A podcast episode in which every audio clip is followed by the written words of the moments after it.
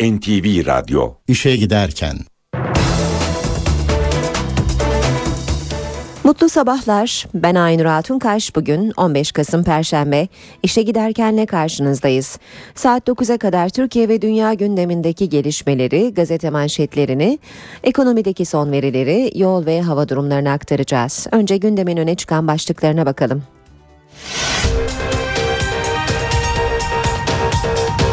İsrail Gazze'ye havadan ve denizden saldırı düzenledi. Suriye'deki çatışmalar yüzünden Türkiye tarafında gerginlik artıyor. Meclis Darbe Komisyonu Başbakan Erdoğan'ın bilgisine başvuracak. Ana dilde savunma hakkı tasarısı bugün İnsan Haklarını İnceleme Komisyonu'nun gündeminde. İşe giderken gazetelerin gündemi.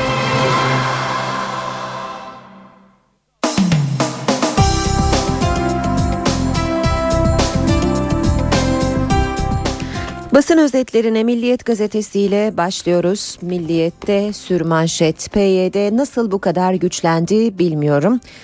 Milliyet yazarı Hasan Cemal'in Barzani ile yaptığı görüşmeden ayrıntıları bugün de okuyoruz Milliyet'te.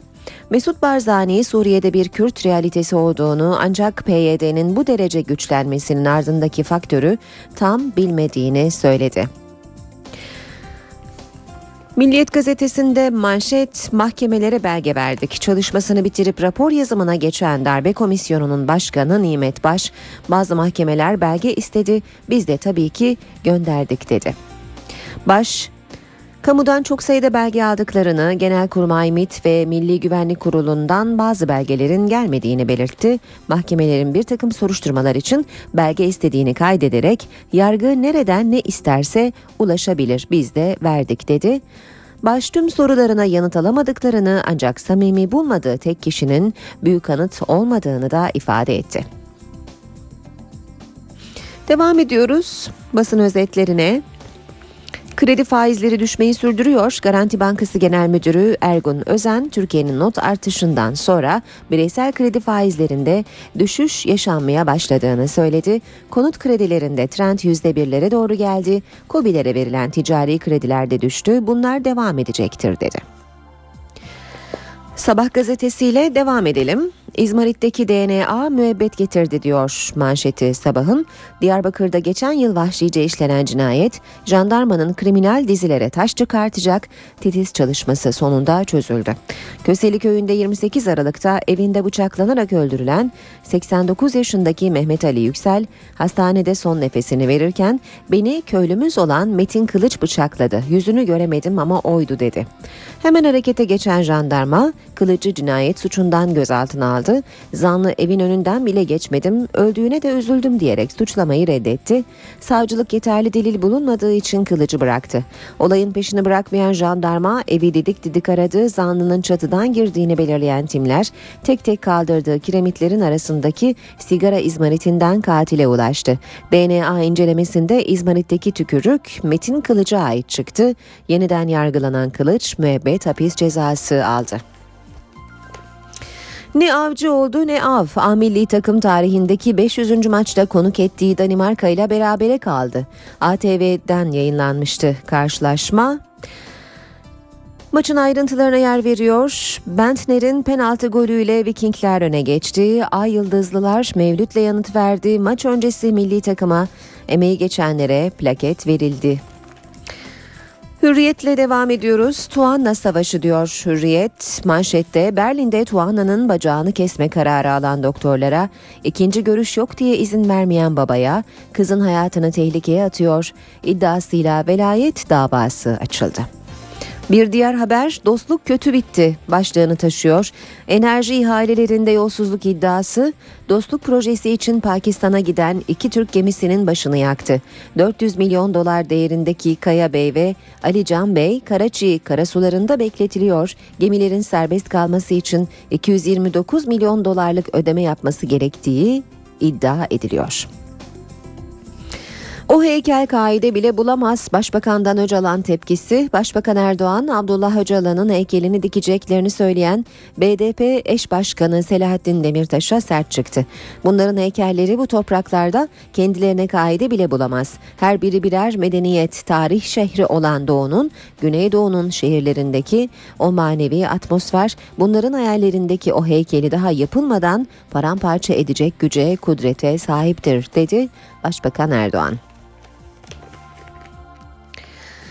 J-Lo fırtınası Türkiye'de ilk kez konser veren Jennifer Lopez sahnede e, Jennifer Lopez'in e, dün akşam verdiği konsere ilişkin ayrıntıları görüyoruz. E, Hürriyet gazetesinin birinci sayfasında e, Jennifer Lopez'in yarın ve cumartesi günü de birer konser daha vereceği hatırlatılıyor.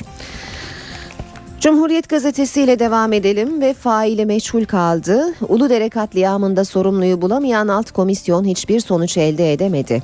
Uludere olayını araştıran alt komisyonun AKP'li başkanı İhsan Şener, komisyona ulaşan bilgi ve belgelerde olayın sorumlusunun kim olduğu konusundaki sorunun yanıtının verilmediğini belirterek bir yetkiliye ilişkin kusur tespiti yapılamayacağını söyledi. Şener, bu olayla ilgili sivil otoritenin bypass edildiği görünüyor diyerek hükümeti aklamaya çalıştı denmiş.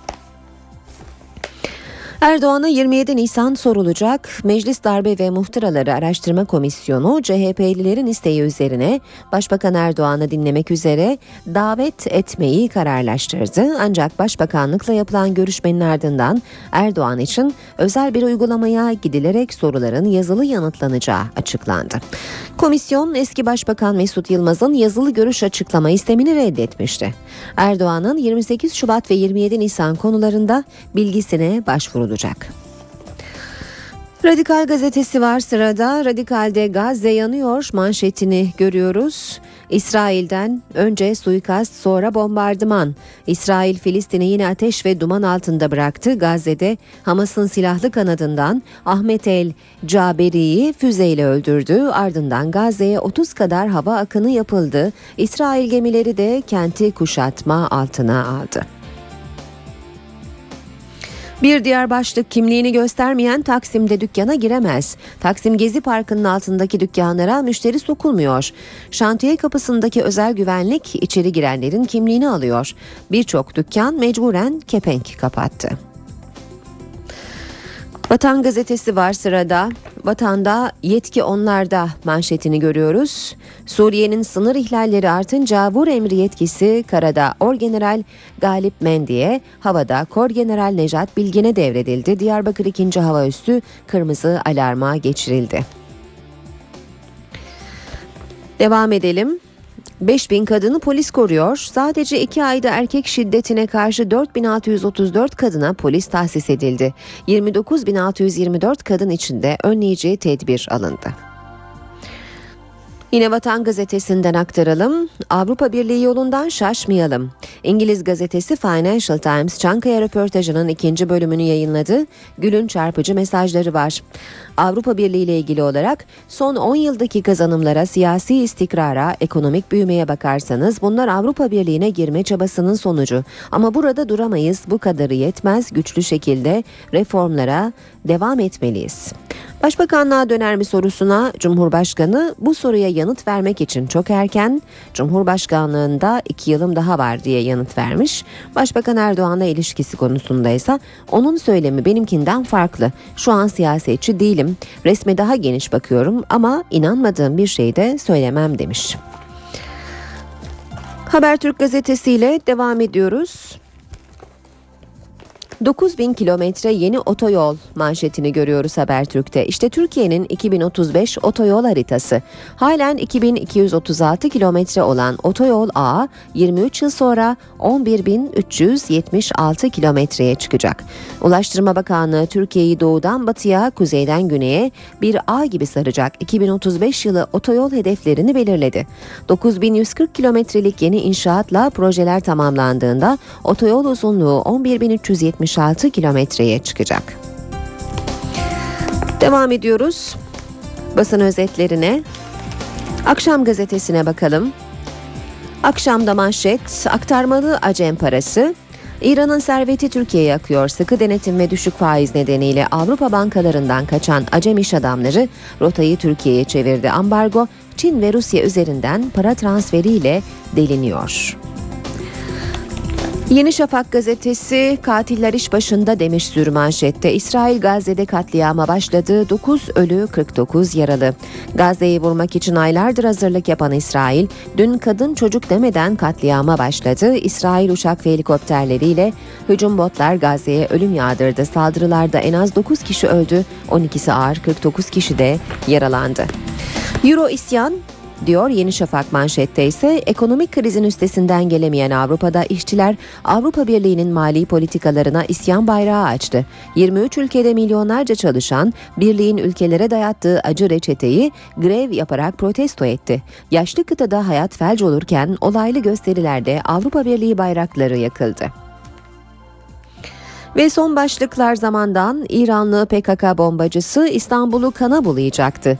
İstanbul büyük bir felaketin eşiğinden döndü. Polisin teknik takibi sonucu biri İran uyruklu iki PKK'lı 3,5 kilogram plastik patlayıcı ile yakalandı. Teröristlerin açlık grevlerinde ölüm olması halinde sivilleri hedef alan 4 ayrı eylem yapacaklarını itiraf ettikleri öğrenildi.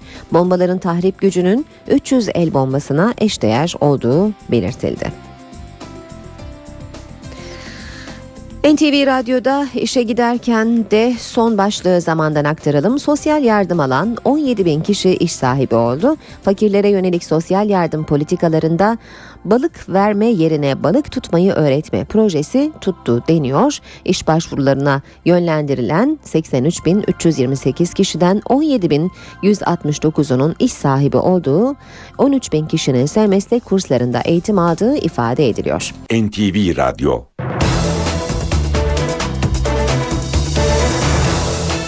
Saat 7.18 NTV Radyo'da işe giderken gündemin ayrıntılarıyla devam ediyor. İsrail-Filistin hattında tansiyon bir kez daha yükseldi. Hamas'a yönelik operasyon başlatan İsrail, Hamas şefi El Cebari'yi hedef aldı. Ancak İsrail ordusunun saldırıları El Cebari'nin öldürülmesiyle son bulmadı. İsrail Hamas'a ait çok sayıda noktayı havadan ve denizden vurdu. Saldırılar sonucu 3'ü çocuk 10 Filistinli öldü. 80'den fazla yaralı var. İsrail Başbakanı Netanyahu ise operasyonların süreceğinin sinyalini verdi.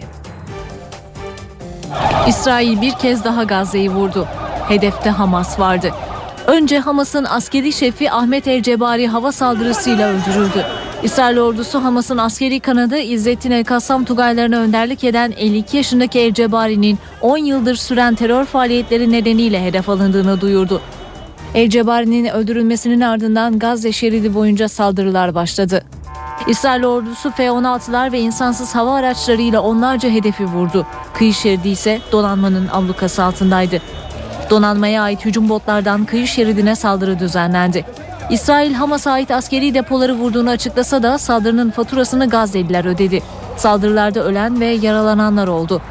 Hamas'ın misillemesi gecikmedi. İsrail cehennemin kapılarını açtı diyen Hamas, İsrail'i roketlerle vurdu. İsrail ordusu Hamas'ın fırlattığı roketlerin çoğunun bertaraf edildiğini duyurdu. İsrail Başbakanı Benjamin Netanyahu da Gazze'ye yönelik operasyonun önümüzdeki günlerde devam edeceğinin sinyalini verdi. Bugün Hamas'a ve diğer terörist gruplara açık bir mesaj gönderdik.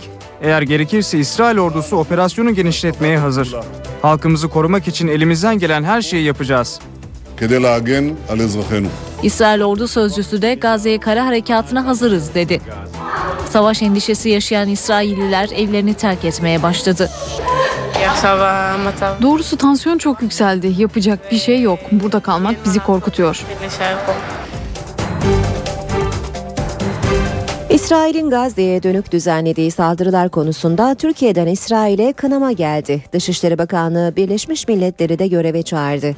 Dışişleri Bakanlığı'ndan yapılan açıklamada İsrail'in bu saldırısını şiddetle kınıyoruz ve derhal durdurulmasını talep ediyoruz denildi. İsrail dahil hiçbir ülkenin uluslararası hukukun üzerinde olmadığının vurgulandığı açıklamada İsrail'in saldırısına karşı uluslararası toplumu harekete geçme ve Birleşmiş Milletler'e gereken girişimlerde bulunma çağrısı yapıldı. Açıklamada ayrıca Türkiye olarak mazlum Gazze halkıyla dayanışmamız bundan sonra da devam edecektir denildi. İsrail'in Gazze'ye dönük saldırısı uluslararası toplumu da harekete geçirdi. Birleşmiş Milletler Güvenlik Konseyi şu sıralar kapalı bir oturumla Gazze'deki gelişmeleri ele alıyor. Arap Birliği İsrail'in Gazze'ye saldırısını görüşmek üzere cumartesi günü Dışişleri Bakanları düzeyinde olağanüstü toplanma kararı aldı. İsrail'den saldırıları durdurmasını isteyen Mısır ise İsrail'deki büyükelçisini geri çağırdı. İran saldırıları kınarken Hamas Türkiye'den harekete geçmesini istedi. Hamas Türkiye'ye İsrail saldırılarının önüne geçilmesi konusunda diplomatik çaba göstermesi için çağrıda bulundu. Washington'dansa İsrail'e destek var. İsrail Başbakanı Benjamin Netanyahu ile telefon görüşmesi yapan Amerika Başkanı Obama, İsrail'in kendini savunma hakkını destekledikleri mesajını verdi. Görüşmeye ilişkin Beyaz Saray'dan yapılan açıklamada Obama ve Netanyahu'nun Hamas'ın saldırılarını durdurması gerektiği konusunda anlaştığı belirtildi. Obama'nın İsrail'den sivil kayıpları önlemek için elinden geleni yapmasını istediği de vurgulandı. İsrail ordusunun Gazze'ye düzenlediği saldırılar Ankara ve İstanbul'da protesto edildi. İsrail'in Gazze saldırılarını protesto etmek isteyen bazı sivil toplum örgütlerinin üyeleri akşam saatlerinde İsrail'in Ankara Büyükelçiliği önünde toplandı. Yaklaşık 200 kişilik grup Büyükelçilik önünde saldırıları kınayarak İsrail'i protesto etti. İstanbul'da da protesto gösterileri düzenlendi. İşe giderken Eski cumhurbaşkanlarından başbakanlara, genelkurmay başkanlarından dönemin bakanlarına bugüne kadar 154 kişiyi dinleyen Meclis Darbe ve Muhtıraları Araştırma Komisyonu, Başbakan Erdoğan'ın da bilgisine başvuracak. Başbakan Erdoğan komisyonun sorularını yoğun programı nedeniyle yazılı olarak yanıtlayacak.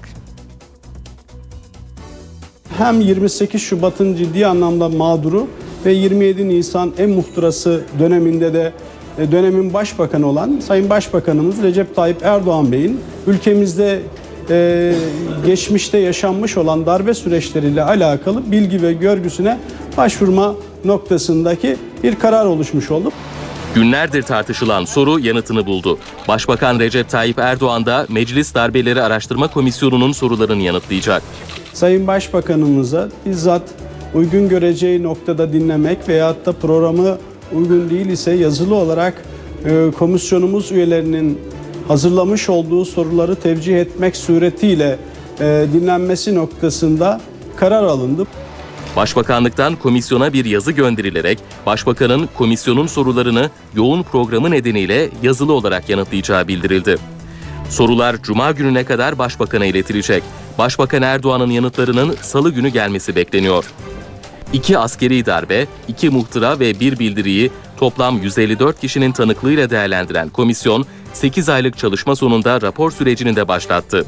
Komisyonun CHP'li üyesi Mehmet Şeker, komisyonun görevinin asıl bu noktada başladığı görüşünde. Biz Türkiye Büyük Millet Meclisi'ne bir şeyler sunacağız.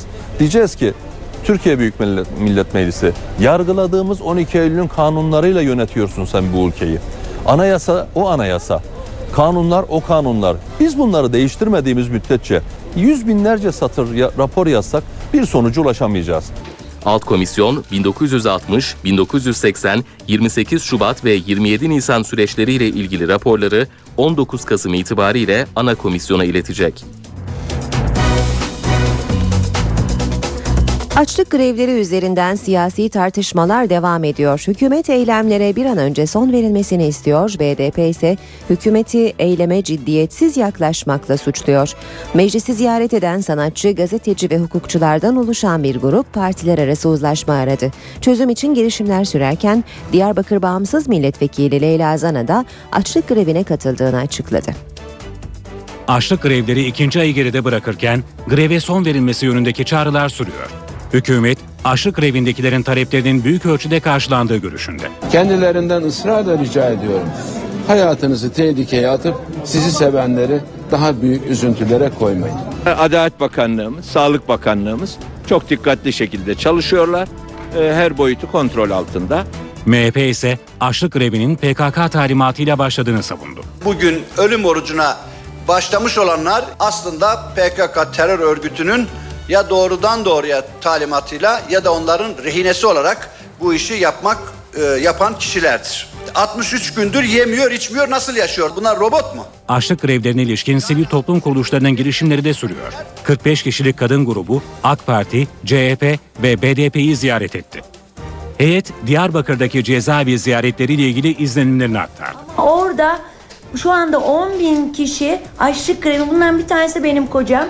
10 bin kişi açlık grevine başladı. 64 kişi ölüm sınırlı ve bu mecliste kimsenin tıkı çıkmıyor. Bir anne şunu söyledi. Hiç Türkiye'de evladı olan ölen bütün annelerin gözyaşları aynı renktedir dedi. CHP çözüm için hükümete adres gösterdi. Buradan çağrım ilk önce başbakanadır. Başbakan bu dilden bu üsluptan vazgeçsin. Ayrıca Adalet Bakanlığı katı kurallardan vazgeçmelidir. Tartışmalar sürerken dikkat çekici bir isim de açlık grevi kararı aldı. Diyarbakır Bağımsız Milletvekili Leyla Zan'a meclisteki odasında açlık grevine başladı. Ancak açıklama Mardin Milletvekili Ahmet Türk'ten geldi. Sayın Başbakan adeta açlık grevinin bitmesi için, barışçıl bir sürecin gelişmesi için katkı yapma yerine barış grevi içindedir Sayın Başbakan. Sayın Zan'a meclise mesaj vermek için, topluma mesaj vermek için meclisteki odasında açlık grevini sürdürme kararı aldı. Meclise gönderilen ana dilde savunma hakkı ile ilgili tasarı tartışılıyor. Düzenlemeye muhalefet partileri farklı gerekçelerle tepki gösteriyor. Tasarı bugün İnsan Haklarını İnceleme Komisyonu'nun gündemine gelecek. Hükümet ana dilde savunma hakkını düzenleyen tasarıyı meclise gönderdi. Ancak tartışmalar sürüyor. BDP tasarının yetersiz olduğu görüşünde. Bu adımı küçümsemiyoruz tabii parti olarak. Fakat e, kendi içinde de çok e, eksikler, yetersizlikler barındıran bir tasarı olmuş. CHP ana dilde savunma için yasaya gerek olmadığını savundu. MHP hükümeti şantaja teslim olmakla suçladı. Tehdit ve şantajla Türkiye'nin önüne getiriyorlar bunları. İşte bu davranış şekli bizatihi terörün en büyük destekçisidir. Açlık grevi karşısında ana dilde savunmayı getirenler teröre teslim olmuş. Tehdide, şantaja teslim olmuş zihniyetler. Bir yasa değişikliğine gerek duyulmadan çözülebilecek meseledir. BDP tasarının meclis görüşmelerinde yeni adımlar atılmasını bekliyor. Bir bilir kişilik makamı olan aynı zamanda e, tercümanlık kişinin e, kendisinin karşılaması gereken bir külfet olarak bu tasarıda düzenlenmiş. Sadece sözlü savunmayı son aşamada başka dilde yapabileceğini ifade etmiş. Tasarının bazı ayrıntıları da netleşmeye başladı. Sanıklar ana dillerini iddianamenin okunması ve esas hakkındaki mütalaanın verilmesi sırasında kullanabilecek. Bu hakkı kullanmak için tercüman ücretini sanıklar ödeyecek.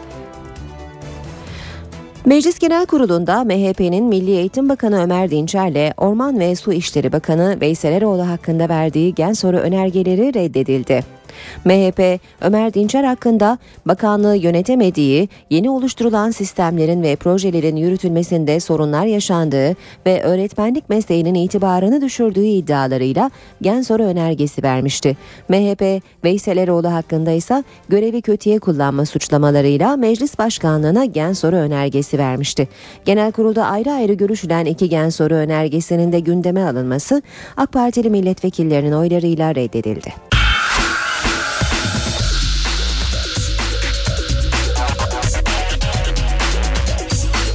Spor sayfaları.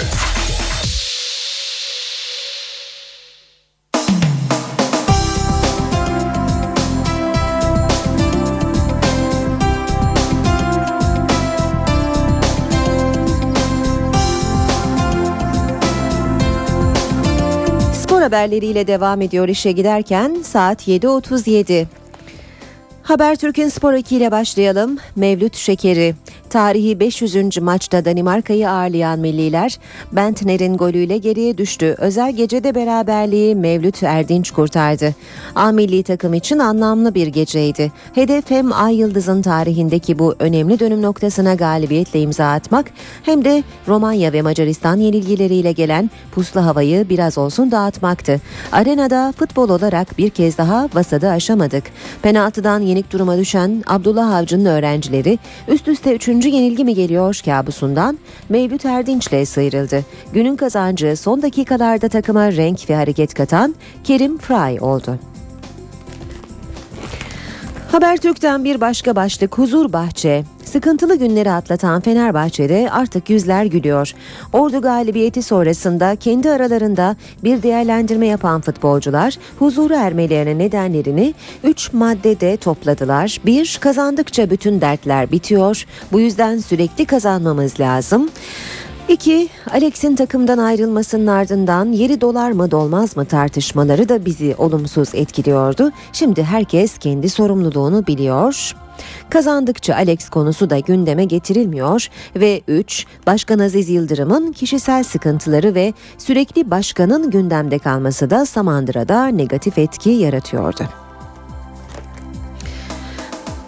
Yine Habertürk'ten bir Fenerbahçe haberi en iyi gole iki Fenerli aday. FIFA'nın düzenlediği ve en iyi gole verilen Puşkaş ödülünün bu yılki adayları arasında Fenerbahçe'den Musa Sov ve Miroslav Stoh da yer aldı. Senegalli Yıldız'ın 17 Mart'ta Şükrü Saracoğlu'nda oynanan Galatasaray maçında attığı rövaşata, Stoh'un da 3 Mart'ta Gençler Birliği'ne karşı ceza yayının dışından köşe vuruşundan yapılan ortaya gelişine attığı voley golüyle Puşkaş ödülü için yarışacak. Oylama FIFA'nın resmi internet sayfası üzerinden yapılabiliyor diyor Habertürk gazetesi. Geçelim Milliyet'e. Milliyet'in spor sayfalarından önce Fener, e, Türkiye Danimarka haberlerine bakalım. İki perdeli bir oyun. A milli takımı teknik direktörü Abdullah Avcı, Danimarka önünde ilk yarıda iyi oynamadıklarını, ikinci devre daha istekli ve arzulu olduklarını belirtti. Avcı iyi bir test maçı oldu diye konuştu. Milliler 500. maçta Danimarka'yı deviremedi ancak genç kadrosu ve futboluyla ümit verdi diyor Milliyet haberinde. Devam ediyoruz Milliyet gazetesinden aktarmaya. Kuarejma'ya kelepçe. Hırsızlık davasının duruşması için dün Lizbon'a giden Kuarejma, adliye önünde annesinin saatini almak isteyen hırsızın peşine düştü. Bu sırada kendine engel olan bir polis görevlisine saldırdı. Kuarejma önce gözaltına alındı, sonra serbest bırakıldı. Onur Gecesi başlığını görüyoruz. Futbol Federasyonu A milli takıma büyük katkılar sağlayan Türkiye Futbol Federasyonu başkanları, teknik direktörler ve futbolcuları onurlandırdı. Fatih Terim, Hakan Şükür ve Rüştü Reçber özel ödüllendirildi. A milli takımımız 89 yıllık tarihinde 500. maçını Danimarka ile oynarken karşılaşmadan önce Ay Yıldızlı ekipte görev alarak büyük katkılar sağlamış futbol adamları onurlandırıldı. Yine Milliyet'ten okuyalım. Ada arayı bozdu. Büyük operasyon haberi daha önce Milliyet gazetesinde yayınlanmıştı. Galatasaray Başkan Yardımcısı Adnan Öztürk'le Galatasaray Eğitim Vakfı Başkanı İnan Kıraç'ın arasını açtı. Öztürk Kıraç'ın konuşma metnini öğrenince dünkü toplantıya katılmaktan vazgeçti. Galatasaray Divan Kurulu toplantısına Başkan Yardımcısı Adnan Öztürk damgasını vurdu. Şişli Belediye Başkanı Mustafa Sarıgül'ün davetiyle Dedeman Otel'de yapılan toplantıda konuşacak olan Öztürk otele bile gelmedi deniyor haberde. Aslan parçası Galatasaray Medical Park Eurocup E grubundaki ikinci maçından da zaferle ayrıldı. Ukrayna ekibi Donetsk'i zor da olsa mağlup ederek haftayı firesiz kapattı. Skor 72-68. Cimbom 4 köşe Euroleague'de Fransız Mondevier'i ağırlayan Galatasaray kadın basketbol takımı rakibini devirerek 4'te 4 yaptı. Liderliği kaptırmadı. Skor 58-47. Banvit güldü. Eurocup D grubu ikinci karşılaşmasında Banvit Almanya temsilcisi Oliver Baskets takımını 101-82 mağlup ederek galibiyetle tanıştı. Fener son çeyrekte coştu. Euroleague B grubundaki temsilcimiz Fenerbahçe 3. maçında Macar Unica Euroleasing Sopron'u 77-71 yenerek 3. maçında ikinci galibiyetini elde etti. Ve eczacının boşu yok. Turuncu beyazlı ekip Bayanlar Şampiyonlar Ligi'nde Alman Dresdner'i deplasmanda ezdi geçti. 3'te 3 yapan temsilcimiz liderliğini devam ettirdi. Spor haberleri aktarmaya Sabah gazetesiyle devam edelim. Sabahtan ilk başlık. Beş yüzümüz hep gülsün. A milli takım 500. sınavında Türk Telekom Arena'da ağırladığı Danimarka ile 1-1 berabere kaldı. Bentner'in penaltısıyla öne geçen Vikinglere Mevlüt'le cevap verdik diyor Sabah gazetesi de haberinde. Galatasaray bakkal değil başlığını görüyoruz. İnan Kıraç, Başkan Aysal ne zaman isterse emrindeyim dedi. Kulübün sahip olduğu şirketlerin kurumsallaşmasının önemini anlatırken de bu ifadeleri kullandı. Yine Sabah gazetesinin spor sayfalarından aktaracağımız bir başka haber. Milli hassasiyet başlığını taşıyor. 13 futbolcusunu milli takımlara gönderen Fenerbahçe oyuncularından sakatlık konusunda dikkatli olmalarını istedi deniyor haberde. Ve son olarak da Hürriyet gazetesine bakalım. Hürriyete de yine Türkiye-Danimarka maçı 500. maça atfen başlıklarla verilmiş 500'ümüz gülmedi 1-1 diyor. Arka arkaya kötü sonuçlar alan milli takım tarihi maçında da kazanamadı ifadeleri yer alıyor. Abdullah Avcı'nın daha yapacak çok işimiz var sözü başlığa çekilmiş.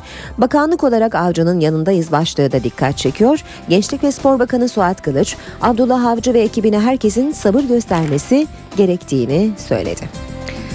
NTV Radyo'da işe giderken de spor haberleri aktardık. Şimdi İstanbul trafiğindeki son duruma bakacağız. İşe giderken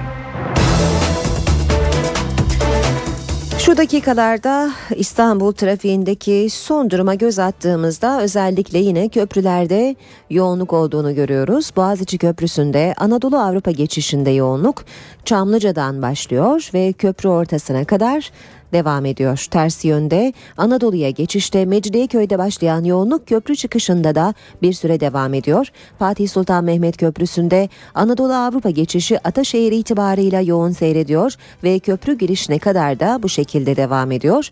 Avrupa Anadolu geçişi ise gişelerden sonra hafif bir yoğunluğa sahip köprüden sonra trafik oldukça yo, e, oldukça rahat. Şehir içi trafiğine de bakalım. D100 karayolunda Çoban Çeşme'den Cevizli Bağ'a kadar uzanan yoğun bir trafik olduğunu görüyoruz. Tem'de ise Mahmut Bey iki telli arasında oldukça e, e, oldukça yoğun bir trafik var.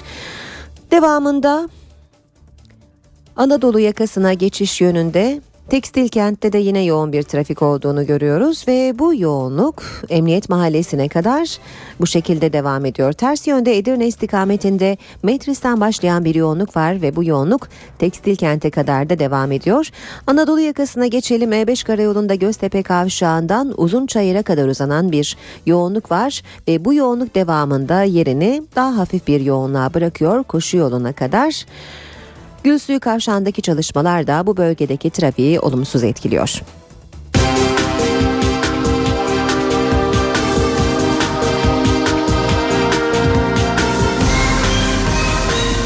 İşe giderken 7.46 saat NTV Radyo'da işe giderken gündemin öne çıkan gelişmeleriyle devam ediyor. Şanlıurfa'nın Suriye sınırındaki Ceylanpınar'da yaşanan tedirginlik Suruç ilçesine de sıçradı. Sınırın sıfır noktasındaki Mürşitpınar köyünde Türk Silahlı Kuvvetleri önlemlerini artırdı. Bölgeye sevk edilen çok sayıda tank mevzilerde konuşlandırıldı. Namlular da Suriye'ye çevrildi. Resulayn'daki çatışmalar yanı başındaki Aynül Arap kasabasına da sıçrar mı?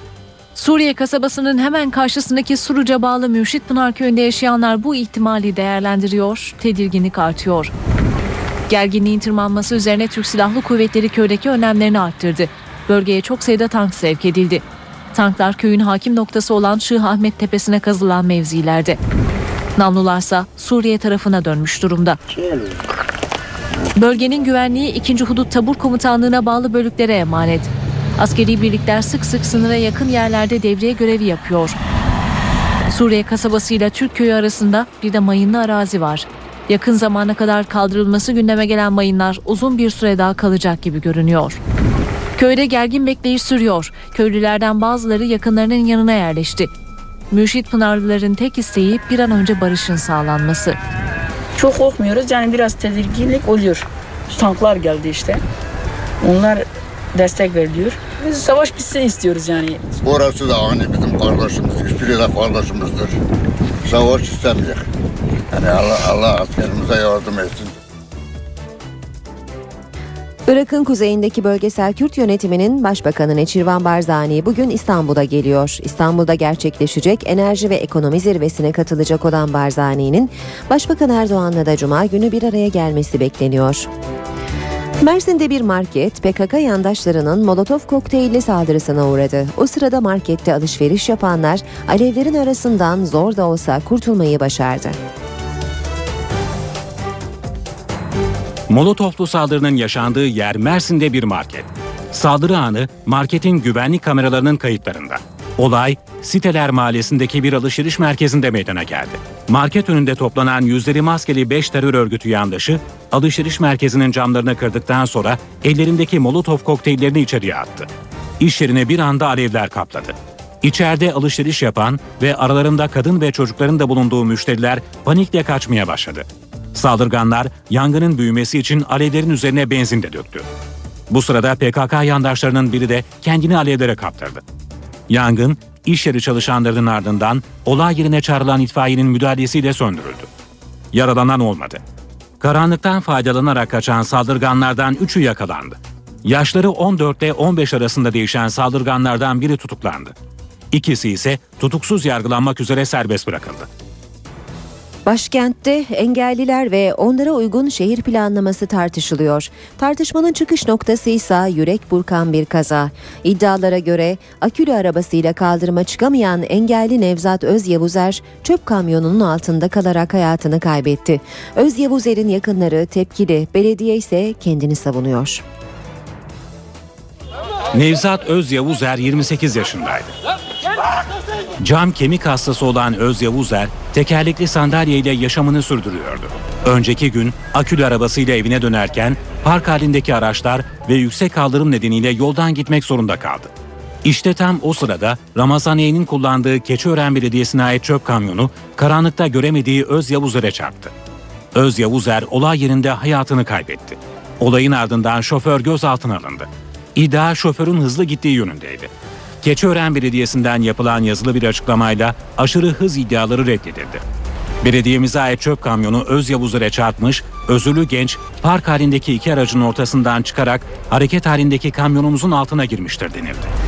Özürlü gencin ölümü engellilere uygun şehir planlaması tartışmalarını yeniden gündeme getirdi. Ben yerinde gidip ziyaret edeceğim ama buradan çıkaracağımız ders bu kardeşimizin yaşadığı olayın yaşanmaması için herkesin aklını başına toplaması e, ve gerekli tedbiri alması gerekiyor. Gerekli tedbiri almayanlara karşı da biz bakanlık olarak gerekli mücadeleyi başlatacağız. Aile ve Sosyal Politikalar Bakanı Fatma Şahin, hukuk mücadelesinde Öz Yavuzer ailesinin yanında olacaklarını söyledi. Deprem riski taşıyan binaların alım, satım ve devir işlemleri sırasında tapuda görülebilmesi için şerh uygulaması başladı. İlk etapta İstanbul'da 48, Ankara'da ise bir binanın tapusuna bu bina risklidir şerhi konuldu. Tapuda şerh uygulaması başladı. İstanbul'da 48, Ankara'da ise bir binanın tapusuna şerh konularak bu bina risklidir denildi. Çevre ve Şehircilik Bakanlığı'nın kentsel dönüşüm kapsamında riskli binaların alım, satım ve devir işlemleri sırasında tapuda görülebilmesi için getirdiği şerh uygulaması başladı. Can güvenliği performans düzeyi koşullarını sağlayamama, kolon kiriş boyutlarının küçük olması, yığma duvarlarda çatlak ve hasar, beton kalitesinin düşük olması, taşıyıcı sistem yetersizliği gibi nedenlerle riskli bulunan binaların tapusuna artık şer konulacak. Binaların riskli olduğu vurgulanacak. Söz konusu binaların tapudaki alım, satım ve devir işlemlerinde riskli olduğu görülebilecek. Çevre ve Şehircilik Bakanlığı'nın belirlediği lisanslı kuruluşlarca yapılan riskli bina tespitlerine hak sahipleri itiraz edebilecek. İtirazları 4 öğretim görevlisi ve 3 bakanlık görevlisinin yer alacağı 7 kişilik teknik heyet değerlendirecek. İtirazlar değerlendirildikten sonra tespitler kesinleşecek ve riskli olduğu kesin tespit edilen binaların tapusuna şer konulacak. Şu ana kadar İstanbul'da Kadıköy, Bakırköy, Üsküdar, Maltepe ve Küçükçekmece'de 48, Ankara Bahçelievler'de ise bir binanın riskli olduğu belirlenerek tapusuna şer konuldu. Marmara depremi ve 2009'daki sel felaketi sonrasında evini kaybeden afetzedelerden 58'i yeni evlerine kavuştu. Kayabaşı ve Ayazma'daki evler için çekilişi İstanbul Valisi Hüseyin Avni Mutlu yaptı. E, duygularımız tabii ki çok korkunç. Hala da o izler kafamızda gitmedi. Yani hala 1999 depreminin izlerini bu sözlerle anlatıyor Şirin Saltık. çok zor. Allah bir daha göstermesin. Depremi Avcılar'da yaşayan Saltık ailesi ağır hasar gören evlerini terk etti ve senelerce bu anı bekledi. Ve nihayet kura çekimiyle kalıcı konutlarına kavuştu. B2 3 blok daire 4. Hayırlı uğurlu olsun henüz. Kiradayız şu an. Gene oradayız. Avcılar- Avcılardayız. Evet, evet. Avcılardayız gene canım. yıl boyunca işte bugünü bekledik. Baya uzun oldu, zorlu oldu, baya çileli oldu. Sonuçta geldik işte. Mutlu musunuz? Mutluyuz. 74 yaşındaki Niyazi İşler de depremin ardından evini kaybedenlerden. Artık yeni adresi Kayabaşı. Florya'ya bizi gönderdiler. İki sene orada oturduk. İki sene sonra oradan bizi çıkardılar. Kendi imkanlarımızla başka yerlerde oturduk. Kayabaşı. 16. bölgeden çekmişik. İnşallah hayırlı olur. İlk kuralları İstanbul Valisi Hüseyin Avni Mutlu çekti. Kayabaşı ve Ayazma bölgelerindeki 58 konutta inşallah bugünden itibaren vatandaşlar geçip evlerinde huzur içerisinde yaşayacaktır. 64 bin lira ile 102 bin lira arasında e, bu konutlar. Tabii hak sahipliği durumuna göre vatandaşımız e, yıkılan evinin bedeliyle ilgili aradaki farkı e, ödemek suretiyle veyahut da tam karşılıyorsa da herhangi bir bedel farkı ödemeksizin e, almış olacak. Marmara depremi ve 2009 su baskınında mağdur olan 58 afetzede kalıcı konutlarına kavuşmuş oldu. NTV Radyo NTV Meteoroloji Eliminden merhaba. Yüksek basınç Türkiye'de etkisini sürdürüyor. Marmara, Batı Karadeniz ve Kuzey Ege'de sert esen Poyraz, Marmara'dan sonra bugünden itibaren kuzey ve iç kesimlerde de sıcaklıkları azaltmaya başladı. Bu yıl için Marmara bölgesinde kapalı bir hava var. Yer yer güney kesimlere yine sis ve pus etkili olurken Cuma günü özellikle yarın Güney Ege'de yağışlar başlayacak. Bugün sıcaklıklar iç kesimlerde Kasım ayı ortalamasına göre 3-4 derece daha yüksek olacak. Doğu Karadeniz'in doğusunda ise yine aralıklarla yağış görülecek. Doğu Karadeniz'de yağış etkisini kaybederken Trakya yağışlı havanın etkisine giriyor. Bugün doğuda Rize, Artvin, Ardahan, batıda ise Çanakkale, Tekirdağ, İstanbul'un Avrupa yakasında aralıklı, özellikle Kırklareli'nde kısa süreli ama kuvvetli yağışlar görülecek. Marmaris'te de hafif yağışlar görülebilir. İç kesimlerde de sabah saatlerinde yine sis ve pus etkili olacak. Yarın Marmara'nın kuzey kesiminde hafif yağış görülebilir.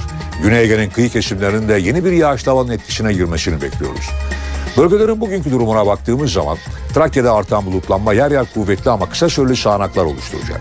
Edirne ve civarında aralıklarla yağış görülürken Çanakkale yağmurlu, Balıkesir, Bursa arasında çok bulutlu bir hava olacak. Sakarya'da ise hava parçalı bulutlu. Ege'de sıcaklıklarda birkaç derecelik azalış var. İzmir, Muğla, Denizli arasında parçalı bulutlu bir hava olacak. Kütahya, Afyon, Karahisar'da yine yer yer sis etkili. Isparta açık az bulutlu, Antalya, Mersin, Adana arasında açık bir hava görülürken Mersin'de sıcaklık 22 derece olacak. İç Anadolu bölgesinde yer yer yoğun olmak üzere sabah ve gece saatlerinde sis var. Ankara, Eskişehir, Konya, Niğde, Kayseri, Sivas boyunca sisin etkili olmasını bekliyoruz. Zonguldak çok bulutlu, Bolu sisli. Samsun'da kısa süreli yağış görülürken Trabzon çok bulutlu olacak ama Artvin'deki yağışlar daha kuvvetli. Malatya açık az bulutlu, Erzurum, Kars arasında parçalı, Manakkari boyunca da açık az bulutlu bir hava bekliyoruz. Güneydoğu'da sıcaklıklarda 1-2 derecelik azalış var. Gaziantep parçalı bulutlu, Adıyaman, Diyarbakır, Şanlıurfa, Mardin'de parçalı bulutlu bir hava olacak. Gaziantep'te sıcaklık 22 dereceyi geçemeyecek. İstanbul'un Avrupa yakası daha kapalı ve Çatalca Kilos arasında yağmur var. Sıcaklık gündüz 17, gece ise 12 derece olacak. Ankara parçalı bulut sıcaklık gündüz 15, gecesi 3 derece olacak. Hafta boyu yağış beklemiyoruz. Sis ve pus etkili olacak. İzmir'de Poyraz hafifleyecek ve sıcaklık gündüz 20, gecesi 12 derece olacak. Hava az bulutlu. Yarınsa gökyüzü giderek bulutlanmaya başlayacak. İşe giderken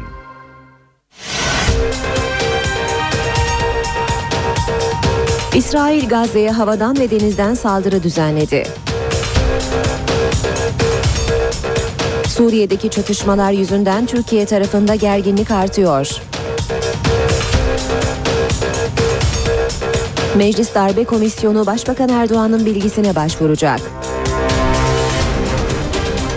Ana dilde savunma hakkı tasarısı bugün İnsan Haklarını İnceleme Komisyonu'nun gündeminde. İşe giderken gazetelerin gündemi.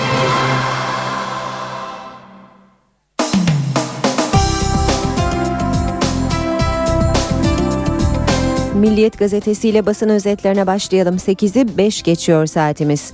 Hasan Cemal'in Kuzey Irak'ta Barzani ile yaptığı görüşmenin ayrıntılarına bugün de rastlıyoruz Milliyet'te. Sürmanşet PYD nasıl bu kadar güçlendi bilmiyorum. Mesut Barzani Türkiye'de bir Kürt realitesi olduğunu ancak PYD'nin bu derece güçlenmesinin ardındaki faktörü tam bilmediğini söyledi. Manşet mahkemelere belge verdik. Çalışmasını bitirip rapor yazımına geçen darbe komisyonunun başkanı Nimet Baş bazı mahkemeler belge istedi. Biz de tabii ki gönderdik dedi. Aylar içinde onlarca kişiyi dinlediler. Ellerinde 4000 sayfadan fazla tutanak, ciltlerce bilgi birikti. Artık rapor yazımına başladılar. Bunların heykeli kaide bulamaz, diyor sıradaki başlık. Partisinin genişletilmiş il başkanları toplantısında konuşan Başbakan Erdoğan, Öcalan'ın heykelini dikeceğiz diyen BDP eş başkanı Demirtaş'a sert yanıt verdi. Kalp taştan olunca ruh da işte böyle beton hayali görür. Dünyanın her yerinde diktatörlerin heykelleri yıkılırken bunların aklı sadece heykel dikmeye yetiyor. Hiç merak etmeyin bunların heykelleri bu topraklarda kendilerine kaide bile bulamaz dedi. Devam edelim basın özetlerine hürriyete bakalım. Hürriyette manşet Tuanna Savaşı. Berlin'de Tuanna'nın bacağını kesme kararı alan doktorlara ikinci görüş yok diye izin vermeyen babaya kızın hayatını tehlikeye atıyor iddiasıyla velayet davası açıldı. Kur yetkisi Türk Silahlı Kuvvetleri'nde Milli Savunma Bakanı İsmet Yılmaz Suriye'ye karşı angajman kurallarında değişiklik var mı sorusunu yanıtlamış, sınırlarımızı ihlal eden Suriye uçaklarına veya helikopterlerine gereken cevap verilecektir. Silahlı kuvvetlerimiz 24 saat görevinin başındadır. Anında müdahale yetkisi oradaki komutanlara devredilmiştir. Geçelim Vatan Gazetesi'ne, Vatanda manşet. Yetki onlarda. Suriye'nin sınır ihlalleri artınca vur emri yetkisi karada Orgeneral Galip Mendi'ye, havada Korgeneral Nejat Bilgin'e devredildi. Diyarbakır 2. Hava Üssü kırmızı alarma geçirildi. Avrupa Birliği yolundan şaşmayalım. İngiliz gazetesi Financial Times, Çankaya röportajının ikinci bölümünü yayınladı. Gül'ün çarpıcı mesajları var. Avrupa Birliği konusunda Gül, son 10 yıldaki kazanımlara, siyasi istikrara, ekonomik büyümeye bakarsanız bunlar Avrupa Birliği'ne girme çabasının sonucu ama burada duramayız, bu kadarı yetmez, güçlü şekilde reformlara devam etmeliyiz diyor. Başbakanlığa döner mi sorusuna ise yanıt olarak bu soruya yanıt vermek için çok erken, Cumhurbaşkanlığında 2 yılım daha var diyor. Başbakan Erdoğan'la ilişkisi konusunda ise Cumhurbaşkanı onun söylemi benimkinden farklı şu an siyasetçi değilim resme daha geniş bakıyorum ama inanmadığım bir şeyi de söylemem diyor. Radikal gazetesiyle devam ediyoruz. Radikal'de manşet Suruç alarmı Ceylanpınar'dan sonra Suruç'ta gergin diyor Radikal gazetesi. Devam edelim basın özetlerine. Zaman gazetesine bakalım. İranlı PKK bombacısı İstanbul'u kana bulayacaktı. İstanbul büyük bir felaketin eşiğinden döndü. Polisin teknik takibi sonucu biri İran uyruklu iki PKK'lı 3,5 kilogram plastik patlayıcıyla yakalandı. Teröristlerin açlık grevlerinde ölüm olması halinde sivilleri hedef alan 4 ayrı eylem yapacaklarını itiraf ettikleri öğrenildi. Bombaların tahrip gücünün 300 el bombasına eşdeğer olduğu belirtildi. Yeni Şafak'ta sürmanşet katiller iş başında. İsrail Gazze'de katliama başladı. 9 ölü 49 yaralı. Gazze'yi vurmak için aylardır hazırlık yapan İsrail dün kadın çocuk demeden katliama başladı. İsrail uçak ve helikopterleriyle hücum botlar Gazze'ye ölüm yağdırdı. Saldırılarda en az 9 kişi öldü, 12'si ağır, 49 kişi de yaralandı. Yeni Şafak'ın manşeti ise Euro isyan. Ekonomik krizin üstesinden gelemeyen Avrupa'da işçiler Avrupa Birliği'nin mali politikalarına isyan bayrağı açtı. 23 ülkede milyonlarca çalışan birliğin ülkelere dayattığı acı reçeteyi grev yaparak protesto etti. Yaşlı kıtada hayat felç olurken olaylı gösterilerde Avrupa Birliği bayrakları yıkıldı. Akşamda manşet aktarmalı acem parası. İran'ın serveti Türkiye'ye akıyor. Sıkı denetim ve düşük faiz nedeniyle Avrupa bankalarından kaçan acem iş adamları rotayı Türkiye'ye çevirdi. Ambargo Çin ve Rusya üzerinden para transferiyle deliniyor. Akşamdan aktardık Haber Türkiye. Bakalım Haber Türk'te 9000 kilometre yeni otoyol manşetini görüyoruz. İşte Türkiye'nin 2035 yol harit otoyol haritası. Halen 2236 kilometre olan otoyola 23 yıl sonra 11376 kilometreye çıkacak. Ulaştırma Bakanlığı Türkiye'yi doğudan batıya, kuzeyden güneye bir ağ gibi saracak. 2035 yılı otoyol hedeflerini belirledi. 9140 kilometrelik yeni inşaatla projeler tamamlandığında otoyol uzunluğu 11376 kilometreye çıkacak deniyor. Devam ediyoruz. Basın özetlerine Cumhuriyet gazetesine bakalım. Cumhuriyet'te ve faili meçhul kaldı. Başlığını manşette görüyoruz. Uludere katliamında sorumluyu bulamayan alt komisyon hiçbir sonuç elde edemedi. Uludere olayını araştıran alt komisyonun AKP'li başkanı İhsan Şener, komisyona ulaşan bilgi ve belgelerde olayın sorumlusunun kim olduğu konusundaki sorunun yanıtının verilmediğini belirterek bir yetkiliye ilişkin kusur tespiti yapılamayacağını söyledi. Şener bu olayla ilgili sivil otoritenin bypass edildiği görünüyor diyerek hükümeti aklamaya çalıştı. 8-16 saat NTV Radyo'da işe giderken de birlikteyiz. İsrail-Filistin hattında tansiyon bir kez daha yükseldi. Hamas'a dönük operasyon başlatan İsrail, Hamas şefi El Cebari'yi hedef aldı. Ancak İsrail ordusunun saldırıları El Cebari'nin öldürülmesiyle son bulmadı. İsrail Hamas'a ait çok sayıda noktayı havadan ve denizden vurdu. Saldırılar sonucu 3'ü çocuk 10 Filistinli öldü, 80'den fazla yaralı var. İsrail Başbakanı Netanyahu ise operasyonların süreceğinin sinyalini verdi. İsrail bir kez daha Gazze'yi vurdu. Hedefte Hamas vardı. Önce Hamas'ın askeri şefi Ahmet El Cebari hava saldırısıyla öldürüldü. İsrail ordusu Hamas'ın askeri kanadı İzzettin El Kassam Tugaylarına önderlik eden 52 yaşındaki El Cebari'nin 10 yıldır süren terör faaliyetleri nedeniyle hedef alındığını duyurdu. El Cebari'nin öldürülmesinin ardından Gazze şeridi boyunca saldırılar başladı. İsrail ordusu F-16'lar ve insansız hava araçlarıyla onlarca hedefi vurdu. Kıyı şeridi ise donanmanın ablukası altındaydı. Donanmaya ait hücum botlardan kıyı şeridine saldırı düzenlendi. İsrail Hamas'a ait askeri depoları vurduğunu açıklasa da saldırının faturasını Gazze'liler ödedi. Saldırılarda ölen ve yaralananlar oldu. Hamas'ın misillemesi gecikmedi. İsrail cehennemin kapılarını açtı diyen Hamas, İsrail'i roketlerle vurdu. İsrail ordusu Hamas'ın fırlattığı roketlerin çoğunun bertaraf edildiğini duyurdu. İsrail Başbakanı Benjamin Netanyahu da Gazze'ye yönelik operasyonun önümüzdeki günlerde devam edeceğinin sinyalini verdi. Bugün Hamas'a ve diğer terörist gruplara açık bir mesaj gönderdik. Eğer gerekirse İsrail ordusu operasyonu genişletmeye hazır. Halkımızı korumak için elimizden gelen her şeyi yapacağız. İsrail ordu sözcüsü de Gazze'ye kara harekatına hazırız dedi. Savaş endişesi yaşayan İsrailliler evlerini terk etmeye başladı. Doğrusu tansiyon çok yükseldi. Yapacak bir şey yok. Burada kalmak bizi korkutuyor. İsrail'in Gazze'ye dönük düzenlediği saldırılar konusunda Türkiye'den İsrail'e kınama geldi.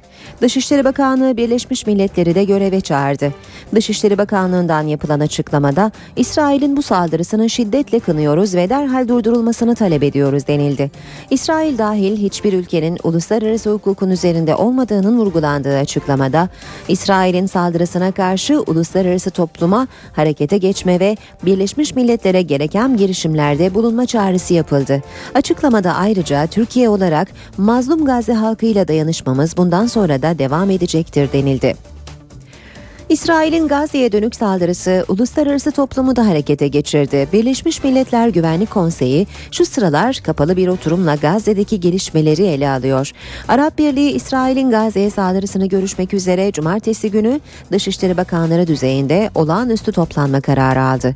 İsrail'den saldırıları durdurmasını isteyen Mısır ise İsrail'deki büyükelçisini geri çağırdı.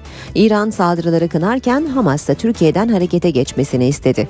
Hamas, Türkiye'ye İsrail saldırılarının önüne geçilmesi konusunda diplomatik çaba göstermesi için çağrıda bulundu. Washington'dansa İsrail'e destek var. İsrail Başbakanı Benjamin Netanyahu ile telefon görüşmesi yapan Amerika Başkanı Obama, İsrail'in kendini savunma hakkını destekledikleri mesajını iletti.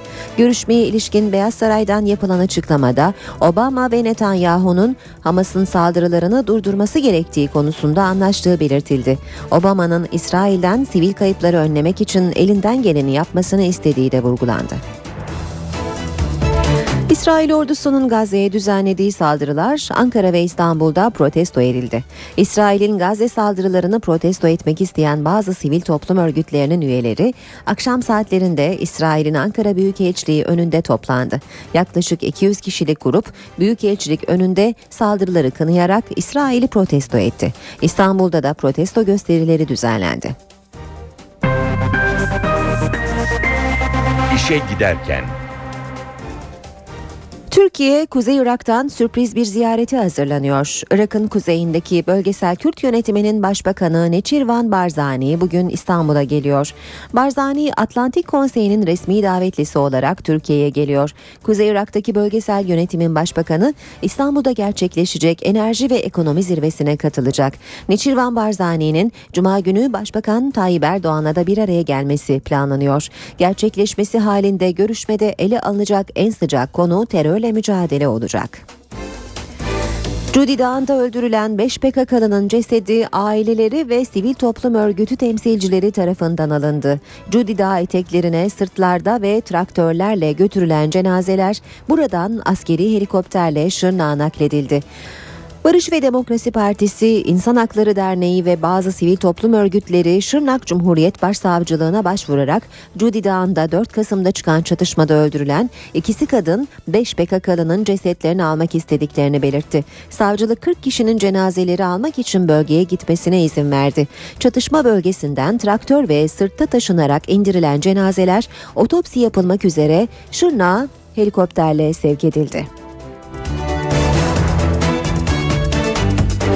Açlık grevleri üzerinden siyasi tartışmalar devam ediyor. Hükümet eylemlere bir an önce son verilmesini istiyor. BDP ise hükümeti eyleme ciddiyetsiz yaklaşmakla suçluyor. Meclisi ziyaret eden sanatçı, gazeteci ve hukukçulardan oluşan bir grup partiler arası uzlaşma aradı. Çözüm için girişimler sürerken Diyarbakır Bağımsız Milletvekili Leyla Zana da açlık grevine katıldığını açıkladı.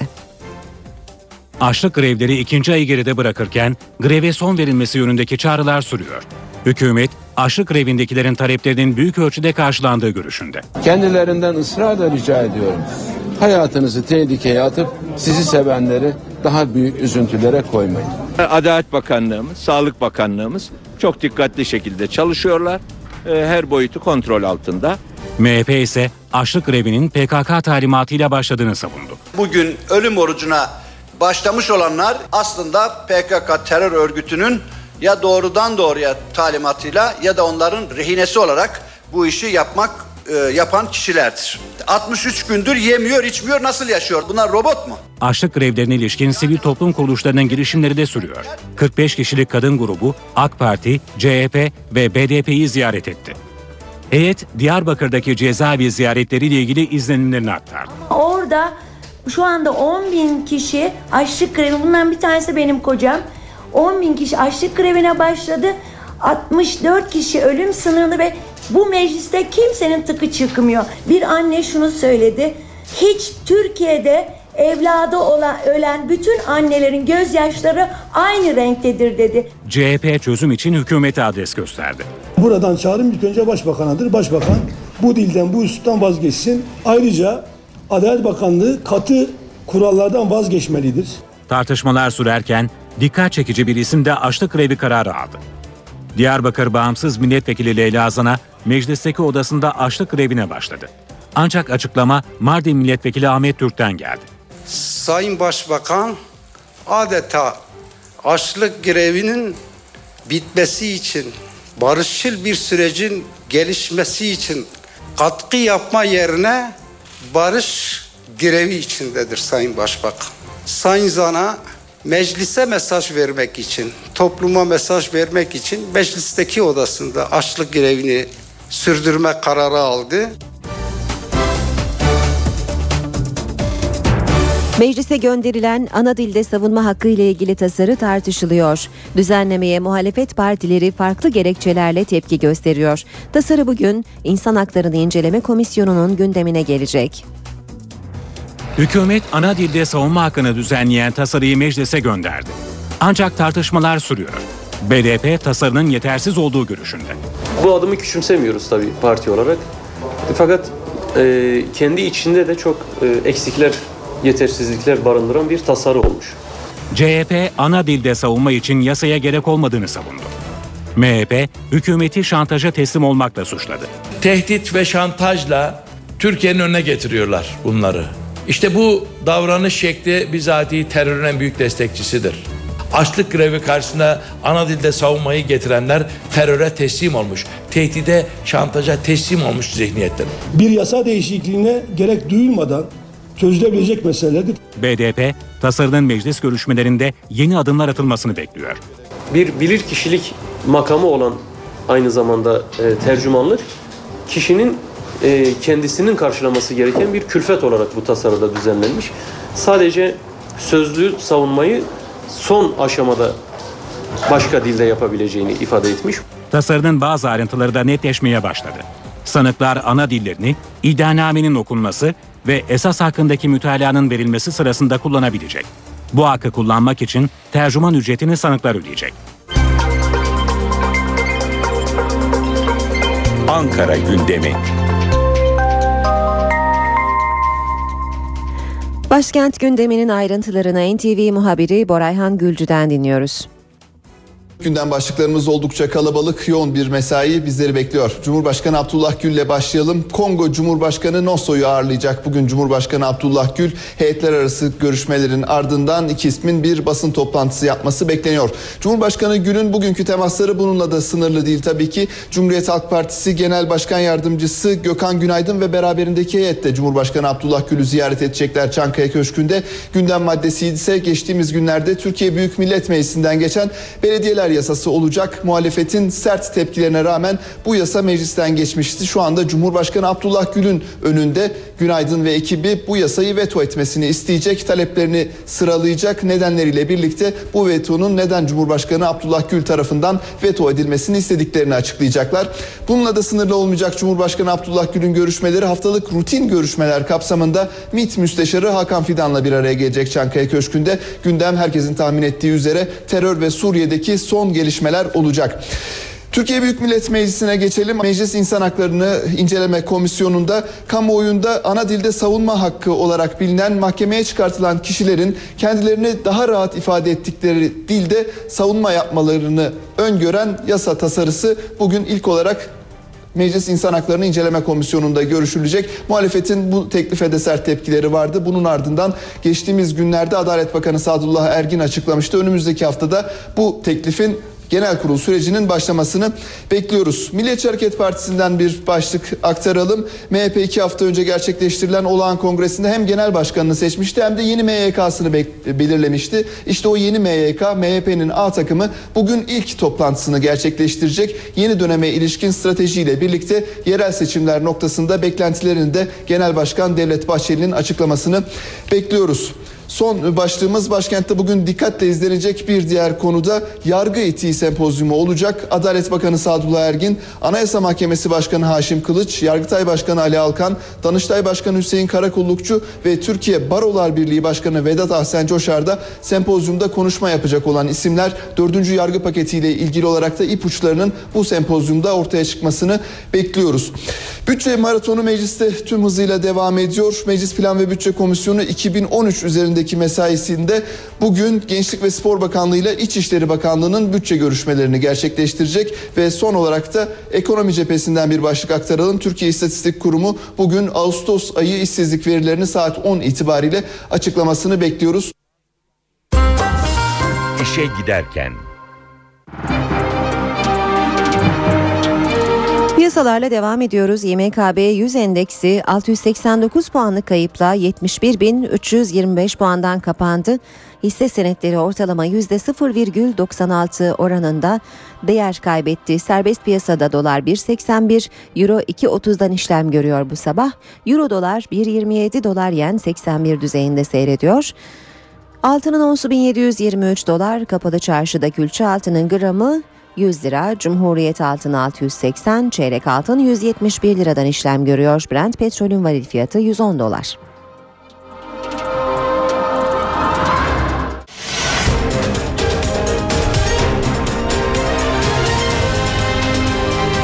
NTV Radyo. Duyduklarınıza inanın. Saat 8.30 ben Aynur Altunkaş. NTV Radyo'da işe giderken de birlikteyiz. Az sonra kısa bir aramız olacak. Ara vermeden önce İstanbul trafiğine de bakacağız ama önce gündemin başlıklarını hatırlatalım.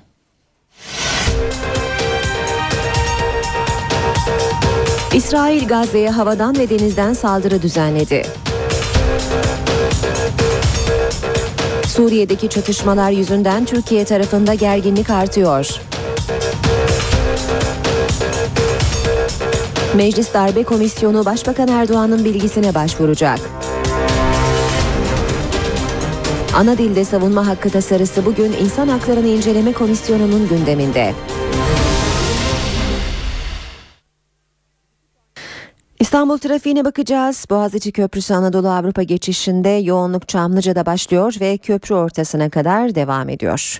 Sonrasında ise Çağlayan'da yoğun bir trafik olduğunu gözlüyoruz. Avrupa Anadolu geçişinde yoğunluk Hürriyet Tepesi civarından başlıyor. Köprü çıkışına kadar da devam ediyor. Fatih Sultan Mehmet Köprüsü Anadolu Avrupa geçişi Ataşehir itibarıyla yoğun seyrediyor. Çavuşbaşı'na kadar devam ediyor bu yoğunluk. Devamında trafik akıcı olsa da Kavacık'ta yeniden yoğunlaşıyor. Köprü geçişi Anadolu yakasına geçişte oldukça rahat ancak Tem'de daha geride bir yoğun trafik olduğunu gözlüyoruz. Bu yoğunluk Gazi Osman Paşa'dan Maslak'a kadar devam ediyor. D100 karayolunda şu sıralarda Şirin Evler Merter arasında çift yönlü bir yoğunluk olduğunu görüyoruz. Ayrıca Anıt Mezar Ok Meydanı arasında da yoğunluk var. Ters yönde Ok Meydanı Ayvansaray arasında trafik yavaş ilerliyor.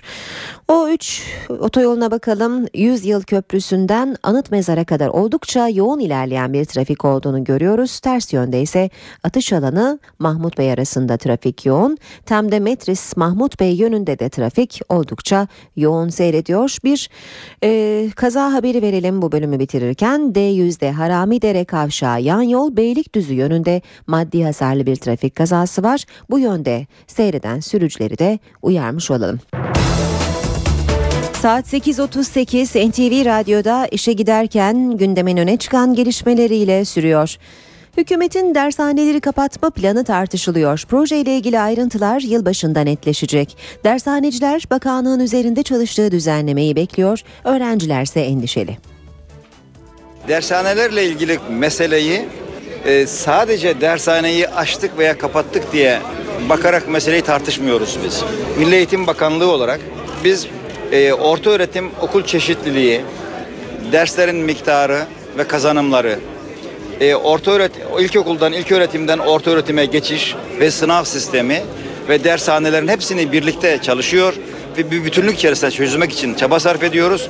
Yıl sonuna kadar hazırladığımız programı sizlerle paylaşacağız. Bu sene 2012 ÖSS Dershaneler kapatılıyor, tartışmalar sürüyor. Milli Eğitim Bakanı Ömer Dinçer, dershanelerin kapatılması konusunda kararlı olduklarını açıkladı. kendi devam etti. Dershaneleri de mağdur etmeden çözüm arayışında olduklarını söyledi. Ancak çözümün ne olduğu henüz net değil. Dershaneciler de süreci dikkatle izliyor. İki tarafı da mağdur etmeden çözmek sıkıntılı bir şey. Öğrencilerimiz tabii eksiklerini var olan eğitim sisteminde eksiklerini dershanelerde gelerek tamamlamaya çalışıyorlar. Ama kesin ve kesin okulun alternatifi değildir. Okul önceliklidir. Sonra dershanede bu sınav sistemi olduğu sürece veya başka sınav sistemleri olduğu sürece kesinlikle ve kesinlikle bir ek çalışma olacaktır. Ama biçimi o ya da bu şekil bilemeyiz. Öğrenciler de tedirgin. Sınava nasıl hazırlanacakları konusunda endişeliler.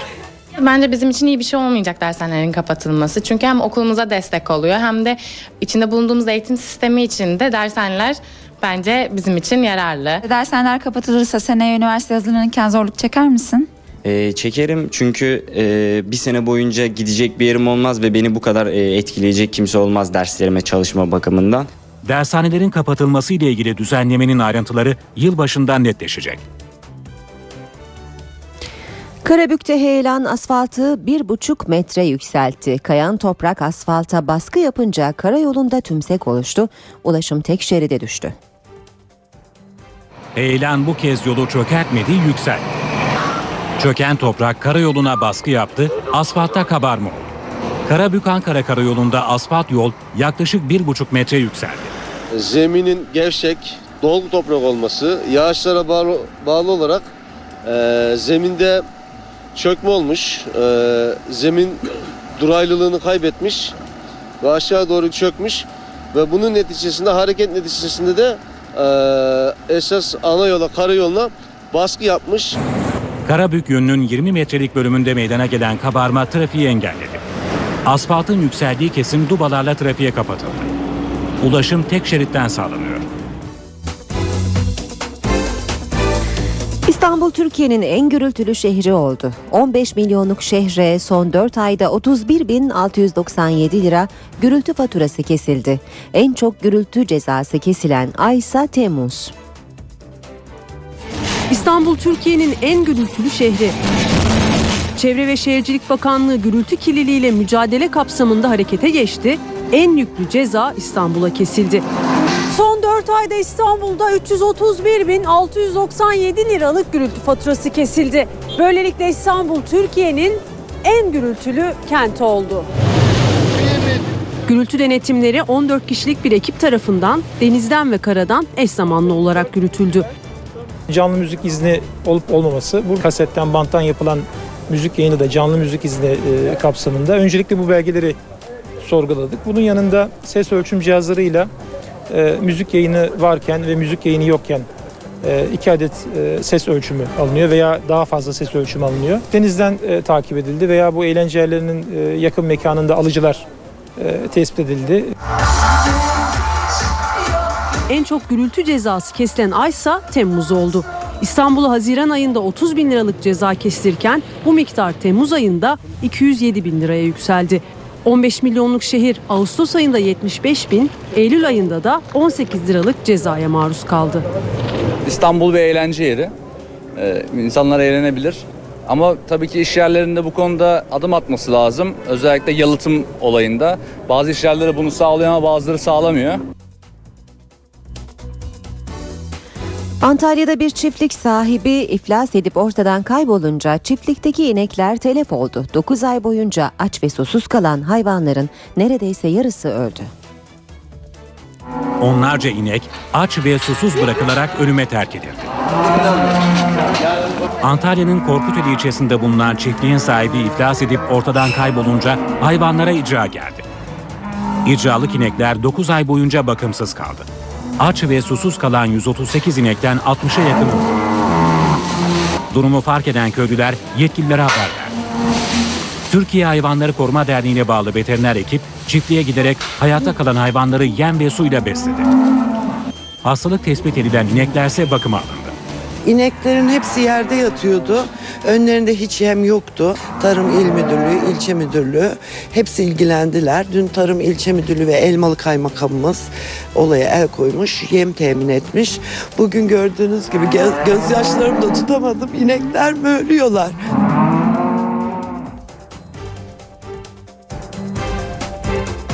Yunanistan ekonomik krizle pençeleşiyor. Yunan adası Midilli'de yaşayanlarsa ucuz alışveriş için Balıkesir'in Ayvalık ilçesini tercih ediyor. Esnaf ilgiden memnun, tek sıkıntıları ise komşudan gelenlerin ısrarcı pazarlıkları. Κυρίες και κύριοι συνάδελφοι, Yunanistan'da yaşanan ekonomik kriz Ayvalık esnafına yaradı. Daha ucuz alışveriş imkanı olduğu için çok sayıda Yunan Balıkesir'in Ayvalık ilçesini tercih ediyor. Gemiler her hafta alışveriş yapmak için Ayvalık'ı tercih eden Yunanları taşıyor. Daha çok Midilli Adası'ndan gelenler için alışverişin gözdesi ise her perşembe kurulan halk pazarı. Güzel.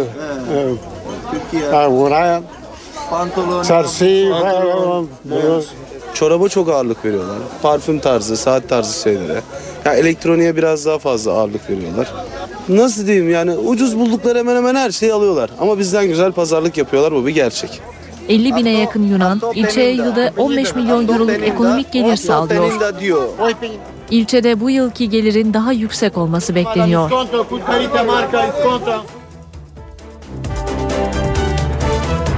Haftalardır devreden lotoda hayali kurulan ikramiye tam 15 milyon lira. Milyonlarca kişi ya tutarsa ihtimalinin verdiği umutla gişelere akın etti. İkramiye çıkarsa dünyayı gezmek isteyen de var, hayatımı yaşarım diyen de. Süper Loto'da süper ikramiye 15 milyon. Yaklaşık 15 milyon lira. İkramiye hayallerin ötesinde. Rüyaları süsleyen bu ikramiyenin talihlisi olabilmek için milyonlarca kişi Süper Loto'da şansını deniyor. Vatandaş son gün, çekiliş günü daha fazla ilgi gösteriyor. Büyük bir izdiham olacağını tahmin ediyoruz. Büyük ikramiye 7 haftadır devrediyor. Rakam yaklaşık 11 milyon lira. Ancak bu rakamın çekilişe kadar 15 milyon lirayı bulması bekleniyor. 15 milyon liranın talibi çok. Kimi çocuklarının geleceği için istiyor, kimi dünyayı gezmek için. En azından çocuklarımızın geleceğine yönelik ufak da olsa bir yatırım yapmak en öncelikli diye düşünüyorum. Herhalde ihtiyacı olanlara falan kullanırım yani. Kendim için de e, dünyayı gezerim herhalde. Önce kendi meselelerimi çözmek, ondan sonra da eşe dosta, fakire fukaraya yardım etmek. İşe giderkenin sonuna geldik. Veda etmeden önce gündemin başlıklarına bakalım. Bugün Türkiye'nin ve dünyanın da gündeminde İsrail'in Gazze'ye düzenlediği saldırı var. Saldırıda Hamas'ın askeri şefi El Cebari öldürüldü. Aralarında çocukların da bulunduğu 10 Filistinli hayatını kaybetti. Ayrıca Türkiye'den bugün öne çıkan bazı gelişmeler olacak. Meclise gönderilen ana dilde savunma hakkı ile ilgili tasarı bugün İnsan Haklarını İnceleme Komisyonu'nun gündemine gelecek. Meclis Darbe Komisyonu bugün Başbakan Erdoğan'ın bilgisine başvuracak. Erdoğan komisyonun sorularını yoğunluğu sebebiyle yazılı olarak yanıtlayacak. İşe giderkenden bugünlük de bu kadar. Ben Aynur Altunkaş. Saat başında gelişmelerle yeniden buluşmak üzere. Hoşçakalın. NTV Radyo